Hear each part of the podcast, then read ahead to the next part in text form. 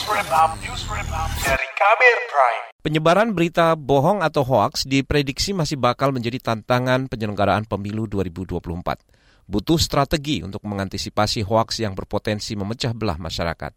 Bagaimana upaya pemerintah dan penyelenggara pemilu mengantisipasi ancaman ini? Berikut selengkapnya laporan jurnalis KBR Astri Septiani. Wakil Presiden Ma'ruf Amin meminta dua penyelenggara pemilu yakni Komisi Pemilihan Umum atau KPU dan juga Badan Pengawas Pemilu atau Bawaslu mengantisipasi sebaran berita bohong atau hoax menjelang pemilu 2024.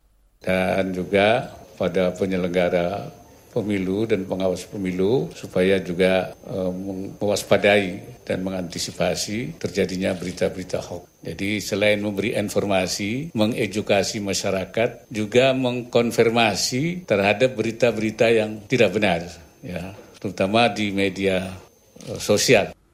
Wakil Presiden Ma'ruf Amin juga mengingatkan masyarakat agar tidak mudah percaya dengan berita yang beredar di media sosial masyarakat diminta selalu mengecek kebenaran setiap informasi diterima. Ancaman bahaya hoax menjelang pemilu sudah menjadi kekhawatiran KPU sejak tahun lalu. Anggota KPU RI Yulianto Sudrajat mengatakan, lembaganya akan belajar dari pengalaman pemilu sebelumnya dan juga melakukan evaluasi terhadap permasalahan yang muncul termasuk hoax. Hindarkan politisasi sara, hoax gitu ya terus ujaran-ujaran kebencian itu kita harus uh, mampu uh, mengevaluasi penyelenggaraan pemilu-pemilu sebelumnya yang di 2019 itu banyak merebaknya hoax, ujaran kebencian, politisasi sara. Sementara itu, Bawaslu mendorong Polri berkolaborasi dengan berbagai pihak terkait. Misalnya, bekerja sama di ruang digital dengan perusahaan teknologi seperti Facebook, TikTok, Twitter, dan Google untuk mencegah penyebaran hoax.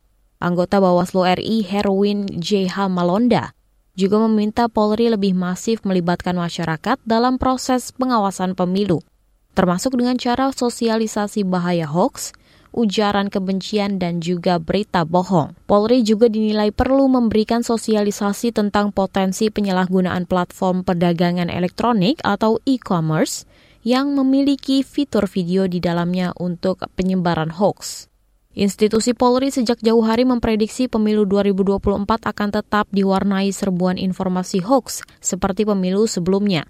Kepala Biro Multimedia di Divisi Humas Polri Gatot Replihandoko memastikan kepolisian bakal menindak tegas segala bentuk penyebaran berita bohong, ujaran kebencian maupun polarisasi politik SARA yang memenuhi unsur pidana punya patokan pasti tidak jauh beda dengan pemilu sebelumnya. Mau nggak mau kita akan berhadapan dengan anumius gitu loh. Itu yang harus kita uh, take down atau report abuse terus. Nah, kecuali yang berkaitan dengan pidana, ya itu kita profiling.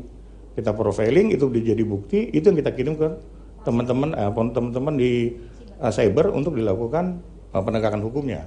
Karena kalau uh, pembiaran didia, didiamkan itu jadi pembenaran di sisi lain, Kementerian Komunikasi dan Informatika bakal menerapkan tiga strategi untuk menghadang berita bohong hingga ujaran kebencian. Direktur Tata Kelola Kemitraan Komunikasi Publik di Kominfo Hashim Gautama meyakini tiga strategi itu jitu untuk mengawal kelancaran pemilu tahun depan dari ancaman hoax. Untuk mewujudkannya, Kementerian Kominfo berupaya dengan menjaga demokrasi di ruang digital dengan tiga lapis strategi. Di tingkat hulu, tengah dan hilir untuk memerangi penyebaran hoax, misinformasi, dan ujaran kebencian. Salah satu langkah yang dilakukan Kementerian Kominfo antara lain menutup ribuan konten hoax terkait isu politik termasuk soal pemilu 2024. Ancaman bahaya hoax juga mendapat sorotan peneliti utama politik Badan Riset dan Inovasi Nasional atau BRIN Siti Zuhro. Ia mengingatkan kondisi perpolitikan tahun ini kemungkinan besar akan berlanjut saat pemilu 2024. Jadi kalau 2023 ini akan kita penuhi tadi itu menurut uh, Kemenminfo gitu ya, uh, banyaknya hoax, banyaknya rumor, fitnah dan sebagainya. Dan itu ternyata yang sangat dominan sehingga masyarakat komunitas saling diperhadapkan apa yang terjadi nanti untuk pemilu 2024 maka akan berdampak sangat negatif terhadap kualitas pemilu kita. Siti Zuhro mengatakan situasi penuh hoax perlu dicegah sejak dini karena bisa mengancam kualitas pemilu 2024 dan juga kembali menimbulkan perpecahan di masyarakat. Demikian laporan khas KBR, saya Astri Septiani. Kamu baru saja mendengarkan news wrap up dari KBR Prime. Dengarkan terus kbrprime.id, podcast for curious mind.